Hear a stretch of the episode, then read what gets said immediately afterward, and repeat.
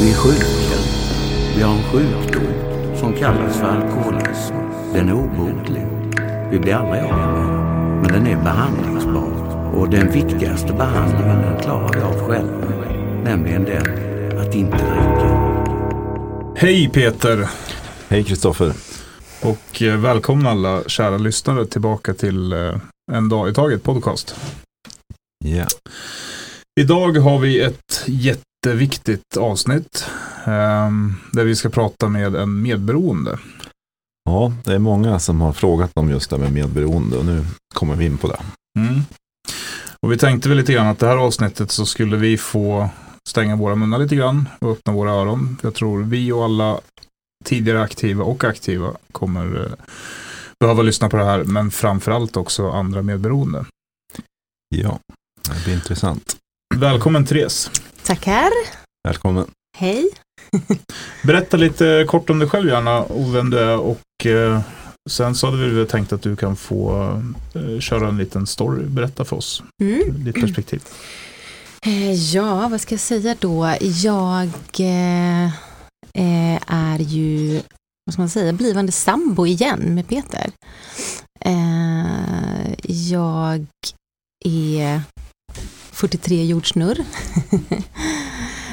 eh, och jag, min resa, vad ska man säga, min resa som tog mig hit, där jag är idag, började väl någonstans ja, vad ska man säga, när jag träffade Peter. Eh, Jag hade levt ett ganska innehållsrikt liv innan det, men kanske inte just reflekterat över eh, begreppet medberoende. Eh, jag gjorde karriär tidigt i mitt liv som sångerska eh, och ehm, jag blev känd på 90-talet i en grupp som heter Drömhus.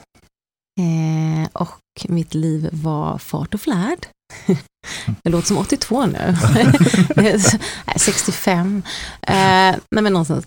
Nej men ehm, jag levde, det var fart och flärd och ehm, ja, mycket som hände där med kändisskapet. Eh, ett, vad man säga, ett spännande liv. Jag eh, var med i Melodifestivalen, jag var ute på alla Stockholms nattklubbar och festade loss med mina kompisar och bara levde liksom livet.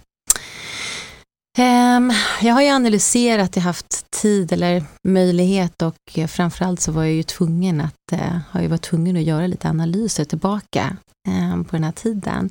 Då fanns det inte så mycket tid, då var jag mest bara liksom så här busy, ja, having fun, ha roligt. Ehm, och jag tänker så här, egentligen liksom var allting började och det, ja som sagt, det är lite, det är lite svårt att säga, eh, men hur, när det märktes tydligt att jag var medberoende och hur jag fick reda på vad det var, det var ju många år senare. Eh, och det var när jag träffade Peter då som sagt, och då var jag 38. Jag hade flyttat hem från London, där jag hade bott i 12 år.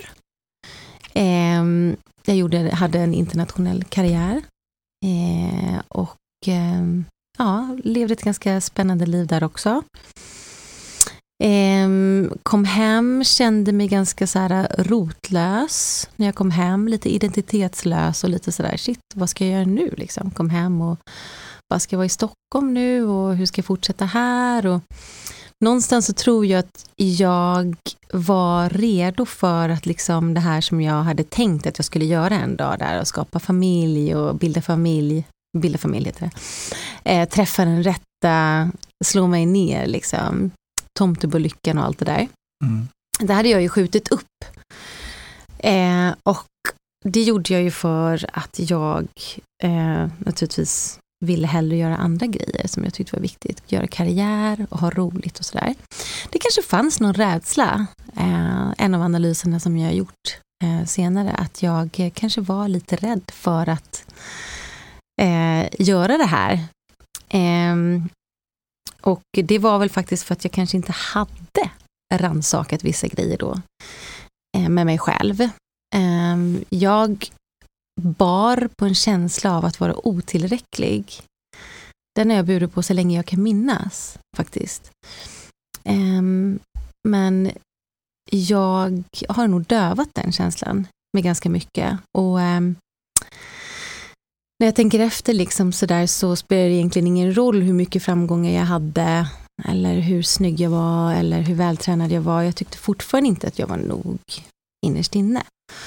Men när man jag var yngre så tänkte jag så här, ja men alla är lite osäkra. Liksom, så här. Tonåringar är alltid lite osäkra. Så på något sätt så kunde jag alltid ta på saker.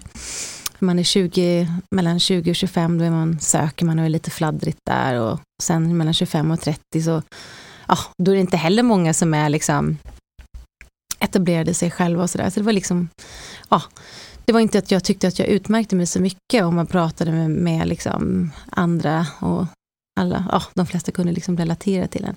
Men det stora fallet, eller man säga, den stora kraschen som hände då var ju när jag träffade Peter och var redo för allt det här. Liksom, och var så här, men nu, liksom, nu ska det bli så här, nu ska jag skapa harmoni i mitt liv, vad kul det ska bli, liksom, spännande och sådär. Så visade det sig ju att Peter var alkoholist. Eh, någonting som jag misstänkte redan från början när vi träffades och liksom började träffas. Eh, men inte reflekterade så mycket mer än så. Man kan tänka att om man vad ska man säga, inte är medberoende så kanske man reflekterar över så här, oj den här människan dricker ganska mycket. Det här är nog ingenting för mig. Och så kanske man tackar för kaffet och går. Eh, men det gjorde inte jag. och det är också så någonting man kan, eller jag har analyserat i efterhand då. Men också förstått att det är lite så det funkar. Eh, att mitt medberoende sökte sig till någon som var beroende. Eh, ett projekt helt enkelt som jag skulle sätta klona i. Ytterligare en sak som man kanske kan se som något dysfunktionellt. Att eh, istället då för att, vad ska man säga, lägga fokuset på mig och vad jag behövde och vad jag ville och vilken utveckling jag ville göra så la jag fokuset på Peter. Att hans problem med alkoholen blev mitt problem. Eh, det här var någonting som jag kunde lösa, skulle lösa. Eh, så att, eh, ja, det var lite skumt att jag inte backade liksom. Eh, fast ändå inte. Mm. Men eh, vi höll på där i några år. Uh, ungefär tre år. Um, och uh, jag förstod inte att alkoholism var en sjukdom, för det första. Utan jag var liksom från den skolan att liksom, ja, det var bara att sluta dricka liksom. Vad är det som är problemet liksom? Varför fortsätter du? När det skadar både dig och mig. Ja, vi svettades där och det var mycket så blod, svett och tårar liksom för min del och dunka huvudet mot väggen. Jag lämnade ju inte Peter för den skull ändå. Eh, det var många varningssignaler och jag eh, eh men det här blev liksom ett mission för mig och eh, jag tror att det var helt enkelt så att egentligen så, så skulle jag ju landa i mig själv. Men det slutade med att jag eh, valde att eller, sätta mina tentakler i Peter istället och landa i honom. Mm. och inte reflektera över att det kanske var lite koko. eh, och sådär. Mm. Visste liksom inte hur man gjorde. Det var så här, ja. eh, så det blev liksom mitt mission att försöka få honom att sluta dricka. Eh, och eh, efter ungefär tre år, då då kom vi någonstans till något läge, någon punkt där jag mådde så dåligt i relationen att jag faktiskt ställde ett ultimatum och lämnade honom. Eh, och då hade vi hållit på liksom att dansa den här dansen i ungefär tre år. Och jag hade börjat se ett mönster eh, där jag liksom förstod att det här är, liksom, det här är någonting konstigt med det här. Liksom. För att Peter drack ju inte varje dag, utan det var ju liksom var tredje månad ungefär så var det en sån här eh, schabrakfylla liksom, där allting spårade ur. Och så var det liksom en uppbyggnadsfas till det och sen så det var boom liksom. Och sen så revs allting ner. Och så upp igen och börja bygga upp och börja bygga upp och sen boom igen. Så höll vi på så några gånger och det här var någonting som jag verkligen klockade. Jag bara shit, jag kan inte leva så här, jag kan inte hålla på så här. Så någonstans så hade jag ju liksom ändå något, ett sunt förnuft, en självbevarelsedrift eller vad man ska kalla det, liksom, fastän jag nu i efterhand liksom inser att jag var väldigt sjuk i mina känslor och mina tankar.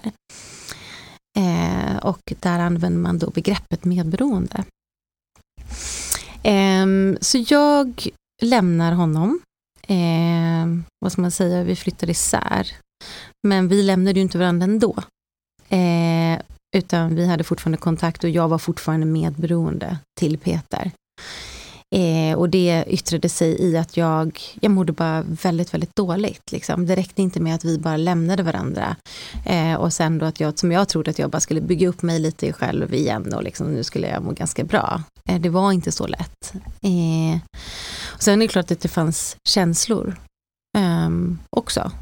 Ehm, men ehm, vi vi fanns fortfarande i varandras liv, eh, men just den här grejen att bli tillsammans igen, där hade jag ändå bestämt mig för att inte vi skulle bli det, utan eh, jag krävde att han skulle på rehabiliteras och ställde ett ultimatum där igen. Och då slutade det med att Peter åkte in på rehabilitering i 28 dagar. Och där någonstans började vår väg emot tillfrisknandet. Och det var för två år sedan. Mm. Stämmer. Ja, jag kommer ihåg den där då, första dagen du sa till mig att du har alkoholproblem. Det var ju en av de värsta dagarna i mitt liv. Jag hade alltså träffat en artist som var lite känd och allt var ju perfekt i mitt liv. Jag hade verkligen allting tyckte jag. Men den här artisten sa helt plötsligt att du har alkoholproblem. Och där ställde mitt liv på sin spets verkligen. Och Ja, det är ett jobb sedan den dagen. Först att för sig själv bara inse vad, vad säger hon. Först var det ju bara förnekelse. Hon ljuger. Hon förstår inte vad hon pratar om. Men eh, ja, det har varit en resa. Nu sitter mm. vi här och pratar om det. Fascinerande. Ja, fascinerande. Ja, resan dit, den, var, mm. den, är, den, är, den var helt otrolig. Men som sagt, som jag, som jag berättade, eh, så är det ju faktiskt så här att resan alltså man ska säga, min resa har ju varit, någonstans fanns det ju ett frö av medberoende. Mm. Um, och oftast är det ju så, uh, som sedan, ja, vad ska man säga, blommar ut i någon relation så småningom. Uh, och det är först då man faktiskt blir varse. För det är väldigt lätt att eh, vad ska man säga, gömma och släta över mm byt kille eller byt relation eller byt jobb eller byt liv, byt stad. Mm. Um, ja. Jag bara sitter och tänker på just det här med relationer eh, mellan aktiva och icke-aktiva, men då medberoende. Eh, för min egen del så har, har ju liksom aldrig funkat med relationer och jag har ju liksom aldrig fattat vad som är felet. Liksom. Jag är ju felfri och jag menar, man har sin stora kärlek, eh, spriten och drogerna. Men nu har man ju fått chans att liksom reflektera lite grann bakåt och precis som du sa där, det här med att de gånger man har kanske blivit lite konfronterad, då har man ju valt att avsluta förhållandet oftast. Eh, så det kanske ligger något, det låter kanske lite löjligt, men jag tänker att du kanske hade två kärlekar i ditt liv där, varav en förklarar att ni inte kunde leva samtidigt. Det är ju så. Eh, om du förstår vad jag menar. Det är ju så. Mm. Man får göra ett val där. Mm. Det har vi varit inne på mm. tidigare. Mm. Ja, och jag menar från, från mitt perspektiv så var det ju faktiskt likadant. Liksom, att mm. relationer fungerar ju inte. Och det är ju just där det, det, det är. Både beroendet och medberoendet är ju liksom, vad ska man säga, det är ju relationer. Medberoendet kommer ju av en relationsdrabbad sjukdom. Eh, och medberoendet i sig är ju också, handlar ju också om relationer.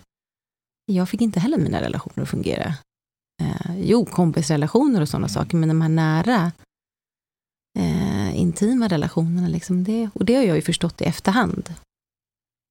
Eh, och verkligen kunna liksom klocka, så här, oj, nej men det där, jag stannade ju inte kvar om det var liksom obehagligt eller när det blev riktigt, när det brände till med någon. Liksom. Då var det ju bara att packa väskan och dra vidare. Liksom. Det kunde ta, det kunde vara ett, två, tre år, men vi hade ungefär samma där. Vi hade varit i relationer högst mellan tre och fyra år. Det var liksom högst för mig. Och jag förstod inte Att eh, innerst inne förstod man ju att det kan, kan säkert ha lite med mig att göra. Liksom. Men det vill inte jag, det vill man inte se på. Liksom. Mm. Lättare att skylla på alla andra. Men jag tänker så här, har man, det låter ju svinhårt, men det är inte så jag menar, men har man ett ansvar som medberoende? Men självklart, alltså, alla människor har ju ett ansvar gentemot sig själv, mm. Medberoende eller ej. Eller beroende liksom. Men vad den är som inte fungerar i ditt liv, du kan ju inte skylla på andra. Nej. Du kan inte skylla på situationer och omständigheter och alla andra i hela ditt liv. Till slut så måste du vakna och inse att det kanske är mig det är fel på. Det kanske är jag som är problemet. Eller att jag har en del av problemet. Liksom. Och jag kan säga att det var det skönaste uppvaknandet för mig någonsin. Det var en sån frihet, en sån sten som släppte därför att en människa som skuldbelägger allt och alla runt omkring sig och inte vill se på sig själv mår väldigt dåligt mm. till slut. Mm. Ja, men Therese, vi pratar om, eller vi pratar nu kort om det här med ansvaret. Eh, att det finns ett ansvar även hos den medberoende och självklart så ligger det ju ett ansvar eh, för sig själv, för den aktive. Men idag pratar vi medberoende. Eh, skulle du säga, alltså medberoende, det finns säkert, jag tänker så här att man kan bli medberoende. Man kommer liksom, det jag menar är att man kommer in som en oskriven bok och träffar en aktiv person och blir medberoende. Eller finns det, precis som för oss aktiva, någon form av nästan, vi, kallar, vi pratar om allergi, Nej, men alltså att vi har en, en orimlig reaktion gentemot alkohol och droger. Eh, kan det ligga någonting liknande för medberoende, att man nästan är predestinerad att söka sig till en aktiv människa? Så här, jag kan ju bara tala utifrån mitt perspektiv. Mm. Det finns säkert olika orsaker och olika, massor med olika eh, öden och stories. Liksom. Eh, men för, för, för min del så var det ju ett omedvetet mönster som upprepade sig i mitt liv om och om och om igen. Eh, och det är ju det, det det är tills man vaknar upp till sin egen verklighet. Mm. Eh, och slutar ja, men projicera på annat och andra och vågar titta. Varför funkar inte de här grejerna i mitt liv? Varför väljer jag de här slags relationerna? Och de här slags männen eller kvinnor, eller vad det nu är, som är dysfunktionella, eh, som inte fungerar, som är liksom destinerade att krascha. Det är, eh, ja vad ska man säga, det är ju ett, liksom, du måste ju vakna upp till det och förstå. För att annars så liksom så snurrar du liksom i det här hjulet, liksom, runt, runt, runt, runt, runt, runt. Och det finns de som håller på ett helt liv och aldrig vaknar. Mm. Och förstår liksom. Jag kan ju se röda trådar i förhållanden jag har haft där jag tror alla människor, oavsett om man är aktiv, medberoende, vi alla människor går igenom tuffa saker i livet. Och vi, perioder av tuffa mentala tillstånd och så vidare. Men tittar jag på mina relationer så har mina medberoende alltid haft någonting hos sig själva som jag tror att min, mitt aktiva beteende, även om det, för det är ju så, det har inte alltid varit så att droger och alkohol har varit så frekvent i mitt liv, men det har eskalerat över tid. Jag försöker komma till mitt aktiva beteende har däremot attraherat medberoende som gör att de kan liksom släppa sin, du var inne lite på det, sin egen ångest och sin egna smärta i livet och fokusera där på den här trasiga själen som pratar nu då. Um, och det blir, alltså tar sig i uttryck att sen då kommer det någon form av, om man då väljer att gå ifrån, så blir det liksom ett, ett skuldbeläggande i efterhand där också på att inte nog med att liksom jag stod ut med dig din jävel ungefär så. Men det blir, det blir en uh, automatisk ja. konfrontation mm. emot sig själv. Eh, det, det, är liksom lite så här ett klassiskt scenario när du lämnar det här projektet som du har tagit dig an och mm. ska fixa. Eh, sen står du där liksom och då på något sätt så bara, ja, då blir det, då blir det den här konfrontationen. Mm. Liksom. Eh, men om man säger, oftast är det ju, det som jag kan beskriva det är ju att du känner igen, den igenkänningsfaktor. Många som är medberoende har ju varit det sen alltså tidig ålder. Det kan vara att du har vuxit upp med en, en förälder som är missbrukare som är narkoman som en syster, en bror, alltså en farfar, en svärfar. Alltså det kan vara någonstans så har det här fröet såtts. Mm. Du känner igen det, det är en trygghet. Eh, en dysfunktionell trygghet. Och eh, det är ju bara så, du kan ju bara liksom eh, vad ska man säga, du kan ju, du, vi återskapar ju det vi vet och vi kan. Kan man, I den här podden pratar vi alltid ur våra perspektiv, vi kan inte göra mer. Men ur ditt perspektiv, skulle du säga, finns det några varningssignaler? För det är ju, alltså våran sjukdom, alkoholism eller ja, beroendesjukdomen, är ju jävligt lömsk och listig. Mm. Ibland, oftast förnekar vi eller vet vi inte själva att vi är alkoholister. Det är inte så jäkla lätt kanske för en medberoende att veta äh, att de befinner sig i en relation som det finns en aktiv person i. Mm. Jag skulle säga att jag, min erfarenhet är att de här sjukdomstillstånden är snarlika. Den enda skillnaden är att inte jag eh, missbrukar substans. Mm. Eh, men och på så sätt så kan det vara lite svårare att upptäcka. Att upptäcka. För er del, eh, eller för en alkoholist, så är det ju liksom, eller någon som eh, liksom missbrukar substans, så är det ju liksom att när ni vill ta substansen, då, kan, då tar ni den och sen dricker ni och sen så är det liksom, ja, sen är ni där. Mm, jag skulle säga att medberoendet är ju lurigt och klurigt på det sättet att du lär dig att fånga dig själv att när jag nu kan se att jag går in i ett dysfunktionellt tänkande eller kännande, att mina känslor blir röriga. Eh, det har ju tagit väldigt lång tid. Eh, det är någonting jag har fått lära mig. Att förstå liksom mina egna, att se mina egna varningssignaler. Eh, och inte fokusera liksom på alkoholisten, liksom, så, här, oh, typ så det är, ja herregud, det är som en, eh, det är ju som en silkestråd, liksom. Balansen där och som sagt, men det är, ja, det är, det är små, små, små steg åt, åt gången. Det är mycket tålamod, liksom. men det går att det går att läka sig själv. Eh, men man måste få hjälp. Mm. Jag kan inte fixa mitt dysfunktionella tänkande med min men alltså jag kan inte resonera med den delen av min hjärna som är dysfunktionell. som liksom, det går inte och det har jag accepterat. Eller de här känslorna. För att eh, det är så pass invecklat. Jag sitter och tänker på så här, kan man generellt sett ändå säga så här, om man be, befinner sig som medberoende med en beroende eh, så kanske man första steget ska vara om inte den här beroende kan inse att man behöver söka hjälp, mm. så behöver man kanske, av det jag lyssnar på, så behöver man ta direkt ett liksom, tydligt avstånd mot den personen för att få en chans att läka själv. För... Ja men absolut, jag skulle säga förnekelsen för en alkoholist, den är ju liksom benhård. Det är ju betongväggar vi snackar om. Men det är det även för medberoende. Mm. Så att båda lever i förnekelse. Livsfarlig kombination. Ah. Liten parentes där, när jag åkte på det här rehabet som du nämnde förut, Therese, då hann jag ju vara där i tre dagar. Sen frågade de direkt om min sambo.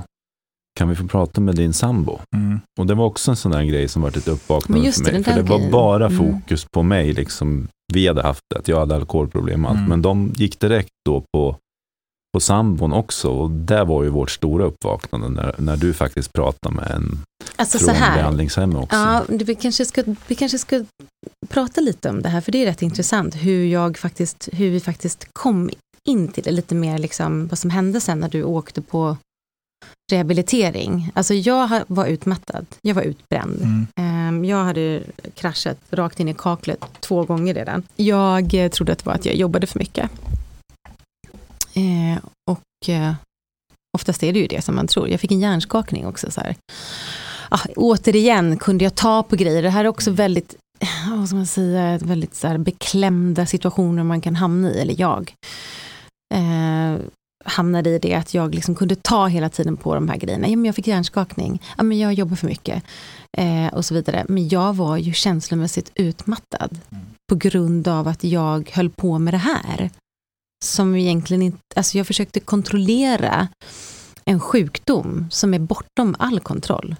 Jag försökte bota en sjukdom som verkligen inte är, som jag inte kan bota liksom. Det är liksom, du tar ju dig vatten över huvudet som medberoende och bara går in där liksom och bara tror att du är Gud. Liksom, och läkare, överläkare och psykolog och liksom, jag är aldrig veterinär, men som vet, jag är rubbet, mm. liksom, jag ska fixa det här. Liksom. Du har en övertro på dig själv. Liksom. Mm. Så i alla fall, jag visste inte vad medberoendet var. Jag hörde, jag hörde begreppet första gången av Peter när du sa till mig att eh, du, du måste också träffa någon. Och jag var så här, ja det här behöver jag noga. Liksom så här. Men jag var så jävla glad att han hade kommit in på mm. rehabilitering. Så att jag, jag var så här, jag bara, ja, alltså jag är öppen för allting. Jag hade mm. sånt förtroende för dem. Jag visste att det här var ett bra ställe. Eh, så att jag var liksom, ja visst kör, liksom, jag, jag är på. Eh, och fick träffa en fantastisk kvinna. Som pratade med mig och då, då var det liksom första, första pusselbiten som föll på plats för mig. Eh, och en enorm lättnad att förstå. Jag har också någonting, jag lider också av någonting. Det är inte hans fel. Men jag tyckte fortfarande att det var hans fel. Liksom. Jag hade inte riktigt kommit dit då. Utan det var, men när jag började se, liksom, började förstå för första det, gången. Det blev ju väldigt skruvat där. Som sagt, efter tre dagar så började de direkt fråga om hur man har med anhöriga och så. Det var ju ett väldigt uppvaknande för mig. För jag var ju väldigt skamfylld när jag kom dit. Liksom. Mm. Allt är mitt fel, jag har ställt till det här. Och jag var ganska usel när jag klev in genom den där dörren. Men sen redan efter några dagar som man började fokusera på familjer och så, då, då fick man ju lära sig hur det här hänger ihop. Alltså det finns, jag bara sitter och tänker på grejer och det, vi, vi, kan inte egentligen beröra det så jättemycket för vi har inte någon som kan representera det perspektivet just idag. Men det här är ju en, alltså väldigt vanligt just att det är en kärleksrelation och det har en medberoende. Sen finns det ju såklart den här aspekten också med barn och föräldrar och så här, där man inte väljer om man egentligen ska vara kvar eller inte. Utan eh, ja, ni förstår vad jag menar, där man nästan tvingas eh, för att det finns någon liksom nästan biologiskt som måste hålla en ihop. Liksom. Ja, men du har ju uh, inget val när du är barn. Du Nej. måste ju bo hemma hos... Men det finns ju samma möjligheter till hjälp där ja, för exakt. barn. Det har ju ja. vi fått veta mycket för barn. Alltså, det finns ställen man kan åka till och få lära sig alla de här sakerna. För barn då som är medberoende. Men problemet är ju att det är tystat. Det mm. finns fortfarande, det, det, liksom, det är fortfarande mycket tabu och skam kring det här. Och skammade familjer och slutna familjer. Och där det finns liksom en ja, vad ska man säga, en slags eh, outtalad kod kanske, tror jag. Eh, där barnen inte ska prata. Eh, ingen får liksom avslöja det här, för det är ju det är den största hemligheten. Liksom. Det blir ju så, barnen lär sig det. Jag tror du Kristoffer var inne på det något program här just. Skyddar liksom ja, sina, man skyddar sina föräldrar. Och, och sen blir det ju, man gör ju precis som man gör mot sina kärleksrelationer och så, där, så manipulerar man ju självklart sina barn också till att förklara att det här beteendet är ju liksom normalt. Ja, det är okej? Okay, eh, ja, ja, absolut. Och köra liksom bakfull, säger man till sina vänner, fast man är fortfarande full på morgonen när man kör till dagis. Liksom. Eh, och det är inte alls konstigt att pappa sitter och dricker sent in på en söndag, eller vad säger jag, onsdag morgon. Liksom. Nej, men så självklart är det ju svårt för barnen att de kan ju inte liksom ställa diagnosen medberoende. Eh, men man glömmer ju att det inte bara, jag, jag tänker så här, det blir som du säger, det, det, är en väldigt lik sjukdom. Man kan inte bara ta bort alkoholisten och allt blir bra. Det är inte bara skruva på korken på flaskan som vi har pratat om i ett annat avsnitt. Utan man måste fortsatt sen jobba med de medberoende. Eh, så att de får en chans att tillfriskna och inte hamnar i nya situationer. Eller eget missbruk kanske till slut. Jag vet inte om det finns en koppling däremellan. Ja men absolut, medberoendet och beroendet kan mycket väl gå, nu, nu låter jag som någon så expert, det är jag inte. Men min erfarenhet. Mm. Eh, jag har ändå pratat mycket, alltså vi, vi pratar ju mycket liksom, med med andra människor som suttit och sitter i samma situation. Mm. Och vi delar ju liksom här och sådär. Och min erfarenhet är ju att många beroende har ett medberoende som ligger i grunden. Eh, och mm, vad ska man säga, för att döva medberoendet så blir man beroende av någonting istället. Mm. Liksom. Jag har ju också flytt in i saker. Men jag, ja vad ska man säga, ibland känner jag mig som en alkis fast jag inte liksom använder substans. Men den här liksom, vad ska man säga, det här att du, måste, du vill fly du vill fly från dig själv liksom. Mm. Um, och sådär. Um, så du kan ju missbruka allt. Du kan ju missbruka känslor, relationer, sex, spel, alkohol, droger, vad det än är, mat. Alltså allt går ju att missbruka. Mm. Verkligen. Sen blir man ju en möjliggörare också. Så vart det ju. Framförallt när, när du kom in i dina krascher där, Therese. Min sjuka del, den tyckte jag var bra. För jag kunde ju verkligen köra all in då. Mm. När, när Therese sjuknade in, då kunde jag liksom mata på med mitt drickande. Det där är så jäkla otäckt. Ja, det är otäckt. Hur, hur det letar sig de vägarna. Men där var vi. Ja, och det jag tänker också att det är så här på ett omedvetet plan så söker sig de här, vad ska man säga, sjukdomstillstånden till varandra. Mm. Det är det här liksom, ibland, alltså jag tror att man kommunicerar på fler plan än bara ett, liksom, att, man, att man hittar varandra. Liksom. Det, är helt, det går inte att förklara riktigt hur det är, liksom, och att man har den här, eh, ah, vad ska man säga, ibland kunde jag ju tycka att det var skönt att Peter drack. Mm. För då hade jag någonting att ta på. Mm. Är du med? Mm, ja, jag, jag så, förstår precis. Så när han blev nykter så var det ju så jävla svårt för att då var jag ju bara så här, fan, nu får jag, nu, då var det ju den här mm. konfrontationen. Mm. Nu fick jag titta på mig själv. Och det var, det var smärtsamt så in i bängen alltså. För att det var, ja men det var, det var jag, som jag säger, jag tror att jag, jag kraschade totalt. Mm. Eh, I det. Men jag blir, det är så, alltså när man sitter och tänker på, om jag sitter och tänker på min egen sjukdom, så äh, alkohol och droger det är ju mitt, det är min lösning för att inte hantera känslor. Uh, utan bara liksom, och det, det, här blir ju, det här är ju liksom genererande för min själ och mitt känsloliv och min kropp. Så det driver mig liksom neråt. Uh, jag sitter och tänker på relationen med haft, jag kommer självklart inte nämna namn, men alltså det jag ser så här att personer har kommit in uh, med ett känslomässigt kanske då bagage, bagage träffat mig, den här apan. som man har jävligt kul med i början och det händer massor och så vidare. Men bara för att dra ett konkret exempel. Som, det här är skitjobbigt för mig att tänka på och även nu att säga. Men bara som ett så konkret exempel så kunde alltså, en relation var ju så kommer det var fars dag. Det här var absolut inte mamman till mitt barn. Men jag, den morgonen, en morgon när jag skulle åka ifrån henne så hon kom inte in med frukost till mig på fars dag. Och alltså i min sjuka själ och i min dåliga liksom, självkänsla och allt det här så tyckte jag att jag var berättigad att bli uppvaktad på den här farsdagen av en människa som inte liksom är mor till mitt barn. Helt och, logiskt. Ja, helt jättelogiskt. Eh, och men så här hemskt är ju i alla fall min manipulation i relationer och hur den har varit. Och, och, den här människan fick ju liksom någonstans, så där plockar jag ju sönder henne en del till liksom, i att så här, hur dålig människa hon var. Som inte liksom i en kärleksrelation kunde visa att så här, jag var värd en frukost. Bla. Alltså det var, jag får ju så här dålig smak i munnen, men så var det. Mm. Och då ser jag också så här att det viktigaste för en medberoende måste ju vara, alltså vi är ju ett gift för en medberoende när vi är aktiva. För att alltså, stannar man med mig när jag är aktiv så kommer man sakteligen förgöras som människa, precis som jag förgörs av min sprit. Eller av det är exakt det som händer. Um, alkoholism är en familjesjukdom mm. som förgör relationer. Mm. Det är en relationssjukdom. Så är det. Och så länge alkoholisten dricker så förgör den. Mm. Och du måste, måste ta ställning och du måste, eh, vad ska man säga, ge ett ultimatum. Liksom. Du måste kliva, kliva bort liksom, ifrån det. Och ja, den enda, den enda räddningen är ju tillfrisknandet. Att mm. alkoholisten slutar att dricka. För att annars så blir, jag känner ju att det, det liksom, jag hade inte kunnat fortsätta. Jag, hade, jag vet inte vad som hade hänt med mig om jag, om jag hade fortsatt och liksom hållit, hållit på med det här. Jag var ju redan fysiskt Um, alltså fysiskt, min kropp liksom var ju, jag var helt slut, jag var utmattad på alla plan. Liksom.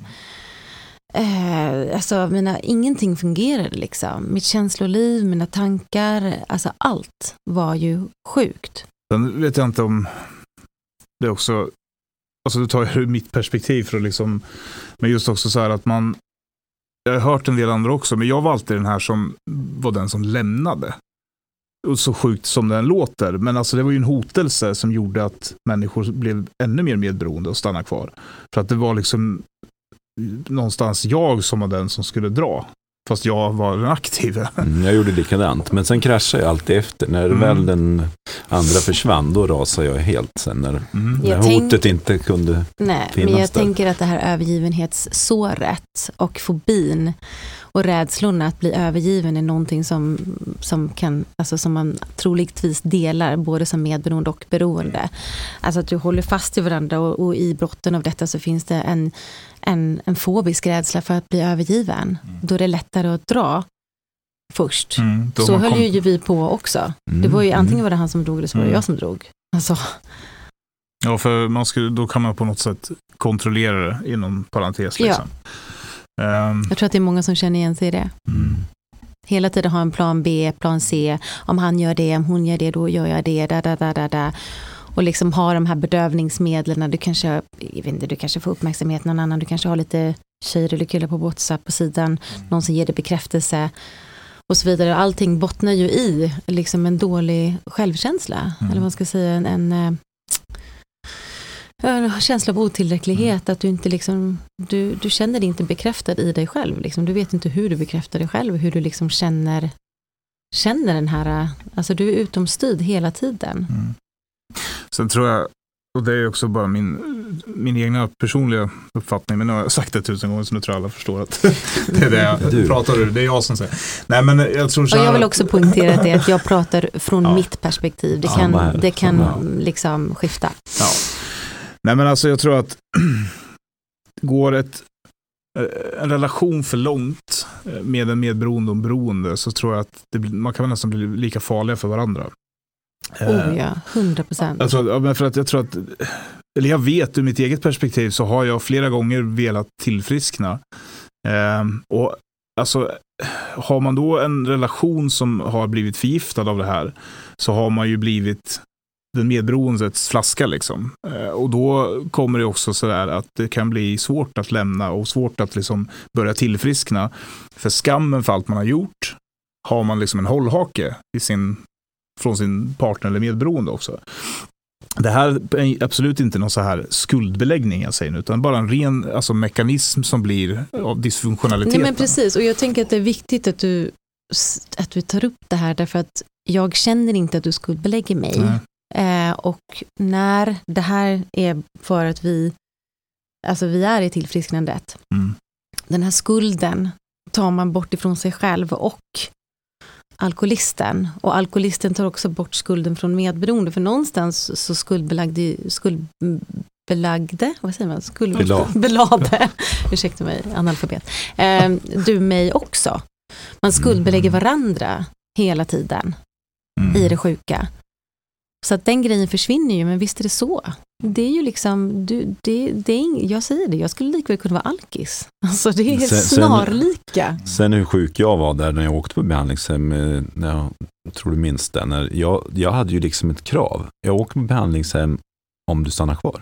Mm. Det var, mitt, det var ett krav. Mm. Och det visar också hur sjuk jag var Mm. där. Att jag kunde inte göra det här själv. Det var liksom garantier varje dag att Therese skulle finnas hos mig. Och det här är något i efterhand som, det sabbar ju för mig till slut att det vart så. Det sabbar ju för mig också. Ja, därför blev- att han är ju liksom, jag brydde mig inte om om han älskade mig på riktigt. Han Mm. behövde mig. Mm. Det var liksom viktigast. Mm. Ja, men, och den känslan går ju alla människor bär på.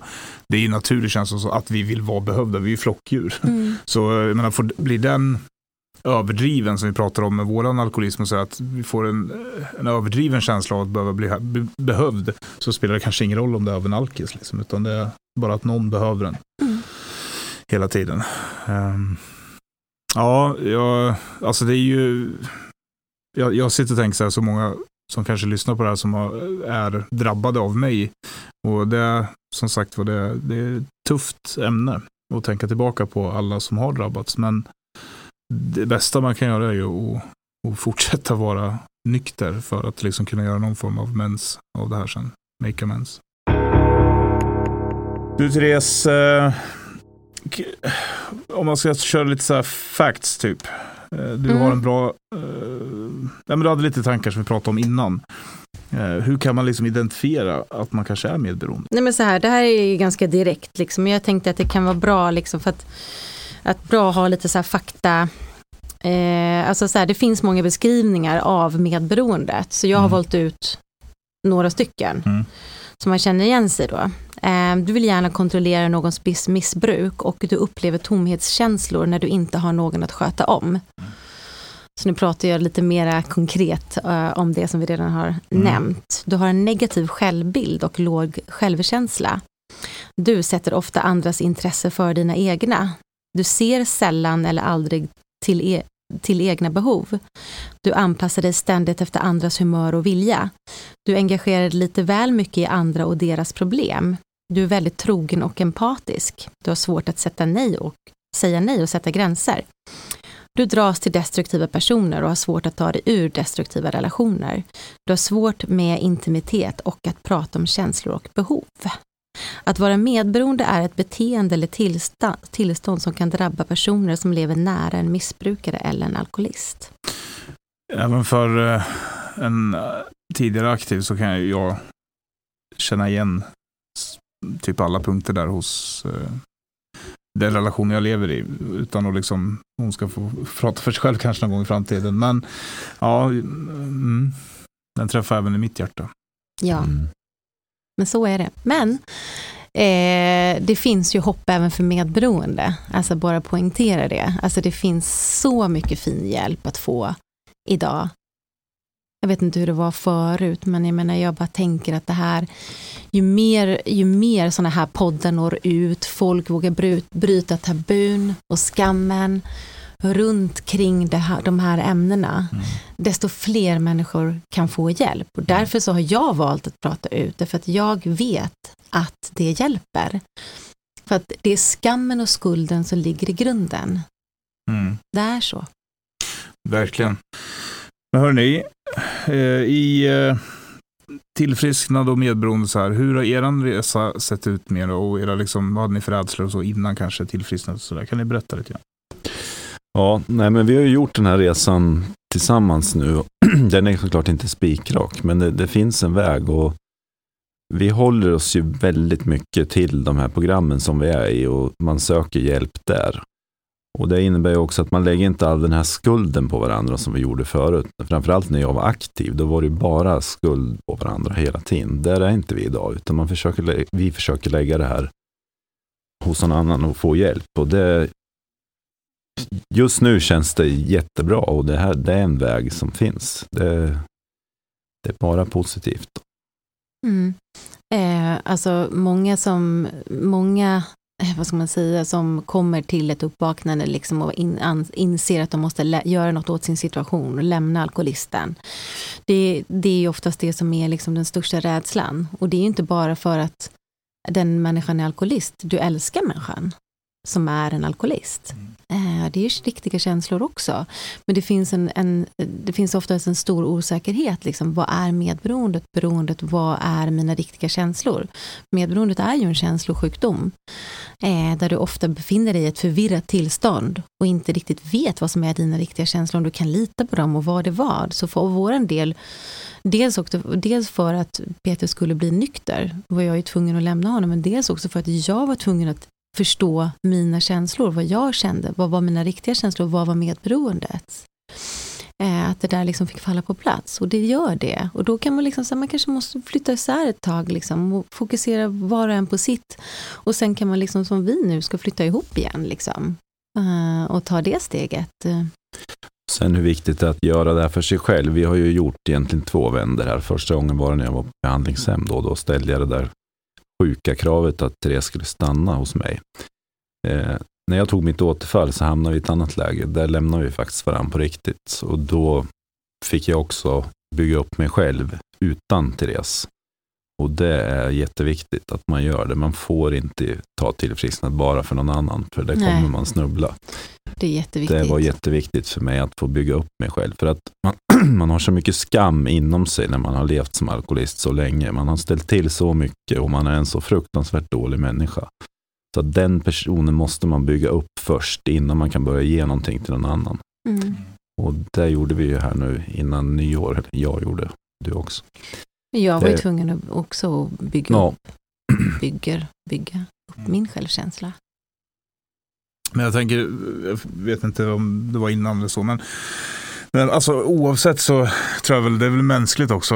Eh, ni är ju ett bevis på att man kan tillfriskna ihop. Sen är det liksom en ständig eh, det ett pågående projekt att tillfriskna. Det är inget man blir klar med. Ja. Eh, men jag tror att många kanske är rädda, precis som du sa det här, att man, man är rädd att om jag skitsamma jag uttrycker nu, men man är rädd att om jag, om jag inte kan, människa. ja, exakt, jag förlorar människan, det kanske är värt att leva med även om man är alkoholist eller henne. Eh, men att tillfriskna, eller om man säger så här, att det jag skulle komma till var att människor generellt är nog rädda. Man vet vad man har varit, man vet vad man har, men det är alltid läskigt att gå på ny väg. Mm. Och så gjorde du en bra grej, du, när vi pratade här emellan, så sa du att, menar, att man kanske tror att alltid vägarna ska leda ifrån varandra. Ja. Eh, men så är ju inte alltid fallet. Det kan ju bli så. Det kan bli så, men just att man liksom, alltså, eh, att just att du vågar ta steget, att du vågar förändra ditt liv. Jag tänker också begreppet tillfrisknande kan ju också kanske verka förvirrande för många, men vad det handlar om det är att lära sig att vara sund mm. gentemot sig själv och andra och att ha en sund relation med sig själv och andra. Mm. Det är det du får lära dig. För det är det som är det sjuka så att säga. Liksom. Där får man väl tacka det här behandlingshemmet som jag var på också, för de var ju verkligen så. De var ju hela familjen. Det var aldrig fokus på att jag skulle bli nykter och vi skulle lämna varandra, utan mm. det var vi ska reda upp familjesituationen nu. Så det var ju väldigt Mm. Det trodde jag ju inte när jag kom dit. Att det Nej, men vara precis. Så. Och att man förstår helheten, att det är en familjesjukdom, att alla behöver hjälp mm. att tillfriskna. För om det är bara alkoholisten som blir frisk och slutar dricka och de andra är fortfarande kvar i det här sjuka liksom berg och dalbanetänket och agerandet och reaktionerna, liksom, det går inte. Så jag tror att det finns en rädsla tror jag, skönt att ha en medberoende här som kanske kan, men eh, att det finns en rädsla för att man ska bli personligt förändrad, alltså den aktive ska bli personligt förändrad när man blir nykter, och det blir man ju. Mm. Självklart blir man ju personligt förändrad, det är ju jättepositivt, men jag tror att för mig har det varit så att det som sker är att det dåliga förminskas, försvinner inte helt, men det som kanske personen älskar förstärks och blir bättre. Mm. Och den personlighetsförändringen tror jag inte man behöver vara rädd för. Utan den ska man våga liksom. Ja men verkligen. Och det är så mycket som kan verka så diffust. Mycket som vi pratar om här med begrepp och liksom beroendepersonligheten och så vidare. Men det handlar ju om just den här beroendepersonligheten. Mm. Som alla alkoholister har. Alltså det är ju en röd tråd. Mm. Det är ju liksom en, en mall. Mm. Och förvilla och förväxla den personen med ditt sanna jag. Och det är det här som är det är ju jätteförvirring både för beroende och medberoende. Vem är jag tillsammans med? Mm. Vem är personen liksom? Och så kommer den här beroendepersonligheten och så förstår man inte riktigt vad det är. Liksom. Och, och det, det, liksom, det, blir, det blir en otroligt eh, förvirrande situation. Att kunna definiera det, att kunna så här, veta så här, men jag, nu, jag har ju sett Peter, jag känner ju Peter innan också. Men sen vart ju han personlighetsförändrad ibland. Och det var det som var så läskigt. Och man liksom var inne på diagnoser och allt mm. möjligt och tänkte, nej, det är ju en personlighetsstörning. Mm. Eh, men liksom, och då när man får hjälp att kunna förstå att det här är precis så här den här sjukdomen ter sig. I karaktärsdefekter som är så otroligt stötande. så att man liksom kan inte ha med människan att göra som aktiv. Liksom, Sen är det en balans i det där också. Då när jag kom ut från det här behandlingshemmet, jag vart ju helt plötsligt världsmästare på att vara nykter det vart ju min grej. Liksom. Nu är jag världsbäst på att vara nykter, så jag liksom levde ju ut i det och det är ju inte heller så trevligt. Där, där har jag lärt mig mycket sen återfallet. Det finns ett begrepp som heter torrfull. Ja, det kan man verkligen inte prata om där. Men eh, mm, Det betyder sig. att du dricker inte, men du beter dig som en Ja, mitt, härjande alkoholist Mitt då. stora ego var ju kvar. Nu var jag bara bäst på att vara nykter helt plötsligt. och så kommer han hem och så har man liksom sett fram emot och man bara, ja gud, åh liksom vad här och så bara, vad fan. Och då, var, då lämnade jag ju honom igen. För då Men, var jag ju så, ah. Det där är sjukt viktigt också att faktiskt stanna till lite vid det här torrfull. För det är, det är ju livsfarligt att om man inte blir medveten om att man är torrfull, då finns det ju en risk att man också ännu djupare cementerar att fan, det här är jag som människa. Och att det inte är en känslomässig sjukdom. För att om du då inte har kokainet eller spriten eller pillren eller vad fan det nu än är. Och så beter man sig som ett arsle i alla fall. Du har bara tagit bort symptomen. Exakt. Alla defekter är kvar. Ja. Jag, som jag sa till Peter, jag bara, men du är ju exakt likadan, det är bara att du inte dricker. Mm. Jag kan inte leva med dig. Och då svarade ju jag, ja men det var ju där du ville, att jag skulle sluta dricka. Varför det var är du inte nöjd för? vad är det för fel nu då? ja, precis. Blir aldrig nöjd. Ja. Nej, det där är djupa grejer alltså. Ja, det är det. Men det leder ju ändå fram till, och det har vi ju berört lite tidigare nu, så att någonstans så har väl alla delar sin funktion. Så länge man vill till- tillfriskna för sin egen skull så kommer man väl till slut igenom det. Liksom. Mm. Eller hur gör man? Så här, det går att tillfriskna tillsammans. Vi har ju sett människor som par som har gått före oss. Och det är ju liksom vår inspiration. Eh, alltså inspirerar oss. Och sen, sen, men man, man, liksom, det är som jag säger, varken jag eller Peter är ju rädda nu. Det är så här, jaha, men liksom, är det så att inte vi skulle fungera tillsammans, nej men då, då är det inte då blir det så. Alltså, du är inte lika rädd för att förlora varandra, därför att du, du får ett annat perspektiv på livet, på dig själv, på sjukdomen. Liksom. Ja, just rädslor är ju, det pratade vi om innan vi gick in här och satte oss, att det är ju så mycket som styrs av rädslor. Ja, verkligen. Och eh, vi får ju våra så det, vi, vi har väl olika sätt, men alltså rädslorna för mig som aktiv, eller icke aktiv längre, men de, har också blivit mindre. Eh, vilket gör att helt plötsligt funkar saker. För Ja, att men jag du inte vågar går. ju leva. Ja, och då, så det är ju sjukt, alltså, ja. Sjukt är ordet. Mm. Mm. Rädslor, ja fy fan vad mycket rädslor det har funnits och finns fortfarande. Ja men det blir ju så att för, för, alltså, jag kom ju till insikten att jag, mitt, mina rädslor har ju styrt mitt liv Mm. också. Samma Så här. det man kan säga att tillfrisknandet är ett enda stor rädslo, rädsloinventering. Att Mm. liksom Mm. undersöka dem. Liksom. Du är ju rädd för dina egna rädslor. Det är ju liksom så här, och det, det tror jag existerar, för de flesta människor styrs mer eller mindre av sina rädslor. Och det är ju det som är så synd, att liksom, då lever du ju inte. Men jag får alltid säga, jag vet inte varför jag har läst för mycket floskler i mitt liv. Men, men det finns ju någon sån här att håller du liksom fågeln för hårt så dör den. Eh, och det där är ju en, en, eh, någon form av metafor eller något för rädsla. Att du försöker stanna kvar i det du har. Du har förhållandet, det är jävligt sjukt. Och du liksom, man är medberoende och beroende och allt det där. Till slut så kommer det dö. Men släpper man de där rädslorna och vågar släppa taget så kan det, visst det kan gå åt två olika håll. Alltså relationen. Men förhoppningsvis och sannolikt så blir det istället någonting mycket finare utav det. Ja, men det du måste göra måste du ju göra. Det är det Mm. som är grejen, att komma till insikten att, liksom att jag, som vi, jag liksom så här, vi släppte varandra och så fick vi bara se liksom. Mm. liksom så, ja. Och det, det, det hade vi ju inte kunnat göra när vi var där sjuka på samma sätt. Liksom. Men jag måste få berätta mitt perspektiv sen jag kom in i ert liv. Nej, men jag, jag och Peter har ju haft eh, ungefär samma nykterhet tid sedan hans återfall. Där. Jag kommer ihåg att när du kom in i sällskapet, eller nej, då var jag ny där. Så jag trodde han var kriminell då. Det kom ja, men det var det ju nästan. Ja, men det kom in, kom in en kille med Nej, liksom basker och tatueringar och var, lite så här Nej, korthuggen. han har bara koll på Peaky Blinders. Ja, och, ja, han babblade någonting om att han liksom, "Ah, jag kommer jag har varit i Amsterdam. Och, men jag ser ju en otrolig... Även kallad delirium. Ja, det är sjukt att faktiskt vart, eller så är det att man lär känna, men alltså du, det här vi brukar prata om en nice person. Alltså du har ju, hur jag ser dig så är du ju så mycket najsare nu. Än i början så kände jag inte alls så mycket att jag, här, ja. Jag, jag var ju väldigt skakig då när jag Mm. kom in där. Så det är klart att det har hänt en del och jag mår ju avsevärt mycket bättre Mm. En idag. vad aktiv alkoholist är inte nice. Nej. Nej, Låt oss bara det har vi konstaterat. konstatera det. Ja, vi, vi kommer inte ändra Det på är det. ingen som vill hänga med en aktiv alkoholist. Nej. nej. Hörni, eh, så är det. Therese, vill du eh, ha några avslutande ord kring medberoende? Nej, jag vill bara tacka så mycket för att ni tog in mig och fick gästa er podd.